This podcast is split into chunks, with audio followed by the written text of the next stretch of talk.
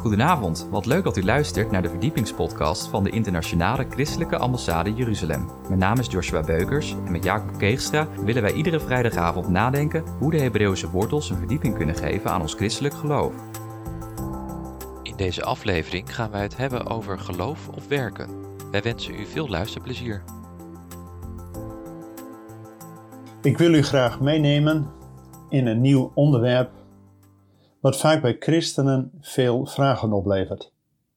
Dat is het thema geloven of werken. De Bijbel is duidelijk dat we door geloof gerechtvaardigd worden, maar hoe zit het dan met wat we doen, de werken? Kunnen we een tegenstelling zien tussen geloven en werken? Of is het veel eerder geloof dat door liefde gaat werken? In het Griekse denken is duidelijk sprake van een tweedeling tussen ziel en lichaam. En, vertaald naar de christendom, een verschil in wat we geloven op zondag en wat we doen in de rest van de week. Maar juist het Hebreeuwse denken gaat uit van een eenheid. Dat geloof niet tegenover je werken staat, maar juist geloof dat door liefde gaat werken. Laten we eens gaan kijken hoe dit in de Bijbel naar voren komt en hoe dit wordt onderbouwd dat geloof alles ook met werken, met doen te maken heeft. We zien dat in het Koninkrijk van God 10% van de mensen, zeg maar religieus, als professie en professioneel aan het werk is. Voorgangers, pastores, evangelisten, noem maar op. Maar het betekent dat 90% van de gelovigen dit niet als een professie heeft, maar in hun gewone werk en leven moeten laten zien dat ze als gelovigen van de Heer willen werken.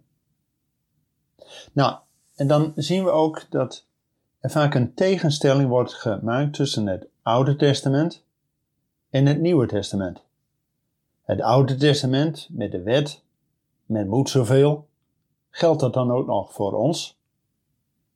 En dan zelfs in het Nieuwe Testament dat er een onderscheid wordt gemaakt tussen de brieven die naar de Joden geschreven worden, die in de verstrooiing zijn, zoals Jacobus en Hebreeën, maar ook het evangelie van Matthäus is duidelijk aan Joden geschreven.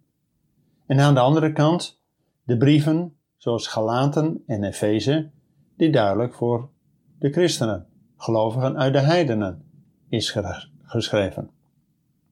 En dat Paulus juist tegen die gelovigen uit de heidenen zegt dat het geloof centraal staat. Alleen, we moeten wel bedenken dat de Joden, die hadden in de tijd van Jezus en direct daarna met Paulus, hadden die al 2000 jaar lang het evangelie.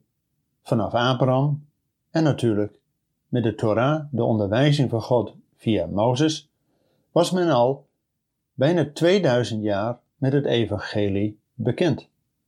Dus dat men dan niet alleen het geloof centraal stelt, maar vooral ook het uitwerken van het geloof in wat je doet.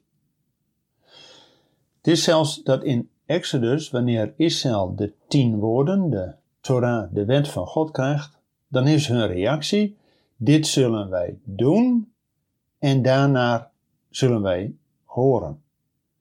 Dus ook in het Hebreeuwse denken is het horen belangrijk, maar vooral ook het doen.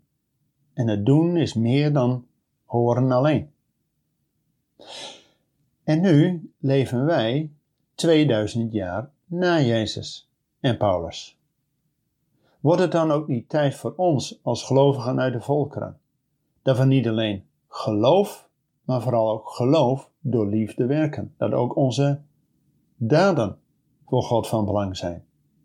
Nou, laten we eens kijken wat de schrift daarvan zegt. Bijvoorbeeld aan Jezus wordt door een jongeman de vraag gesteld: Rabbi, wat moet ik doen om het eeuwige leven te verkrijgen? En Jezus zegt, wie dat doet, zal daardoor leven. En ook in Matthäus, de eindtijdreden, Matthäus 25, waar het gaat over de vijf wijze en vijf dwaze maagden, maar ook over de talenten en over de schapen en bokken. Al die drie onderdelen gaat over niet wat die mensen geloven, maar wat ze gedaan hebben. Dus wat hun gedrag is geweest. Hebben ze met dat geloof ook gehandeld? En in de Hebreeënbrief, ook duidelijk aan Joden in de verstrooiing geschreven, in Hebreeën 5 en Hebreeën 6, dat we niet alleen van melk moeten leven, maar ook de vaste spijzen.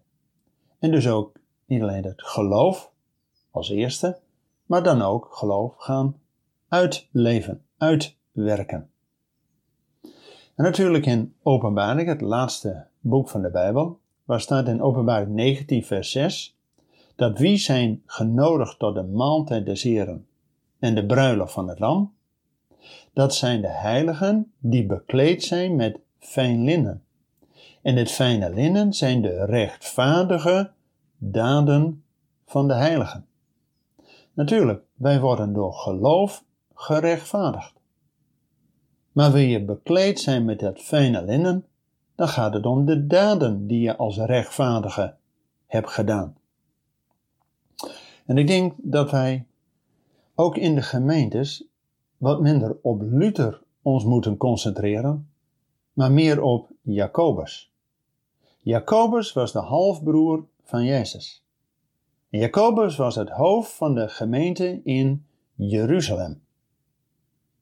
En in de eerste kerkelijke vergadering, handeling 15, neemt uiteindelijk Jacobus de beslissing dat Petrus de apostel voor de Joden is en Paulus de apostel voor de heidenen.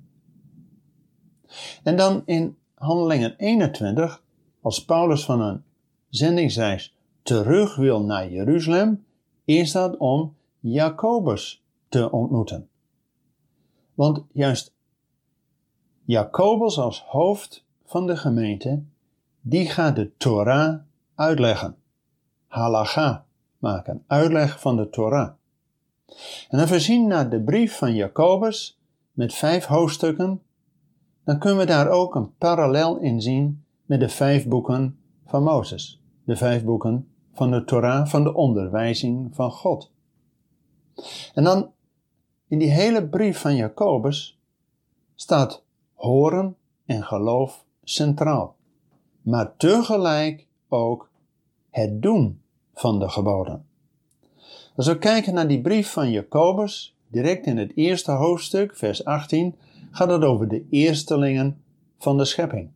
Nou, dat verwijst ook naar het eerste Bijbelboek over de schepping. Maar direct in vers 2 al dat we volharding nodig hebben. En hoofdstuk 1, vers 22, dat we niet alleen horers zijn van het woord, maar het ook gaan doen. En dan in het tweede hoofdstuk van Jacobus, dan zien we dat Abraham, die wordt door geloof gerechtvaardigd.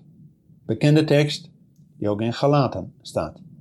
Maar hier in Jacobus 2 staat niet alleen dat Abraham, die werd door geloof gerechtvaardigd, maar dan lezen we in hoofdstuk 2 vers 21, is niet Abraham onze vader niet uit werken gerechtvaardigd, toen hij Isaac zijn zoon op het altaar offerde?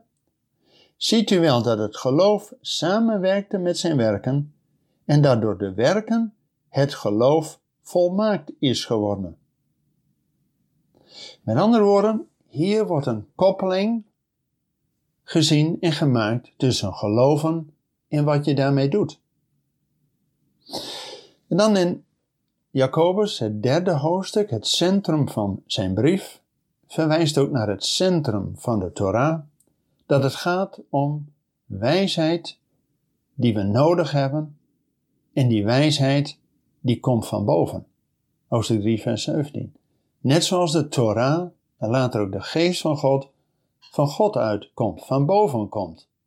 En die wijsheid hebben wij nodig om het vol te houden en te strijden tegen de zonden der tong. Dan in het vierde hoofdstuk worden we gewaarschuwd dat we niet wereldgelijkvormig zijn. En dat God de nederigen genade geeft en dat Hij zelfs de ellendigen gaat voeden. Te vergelijken met het voedsel, het manna dat van God komt toen Israël in de woestijn was. We hebben boek Numeri spreekt daarvan. Met een gevaar van de rijkdom.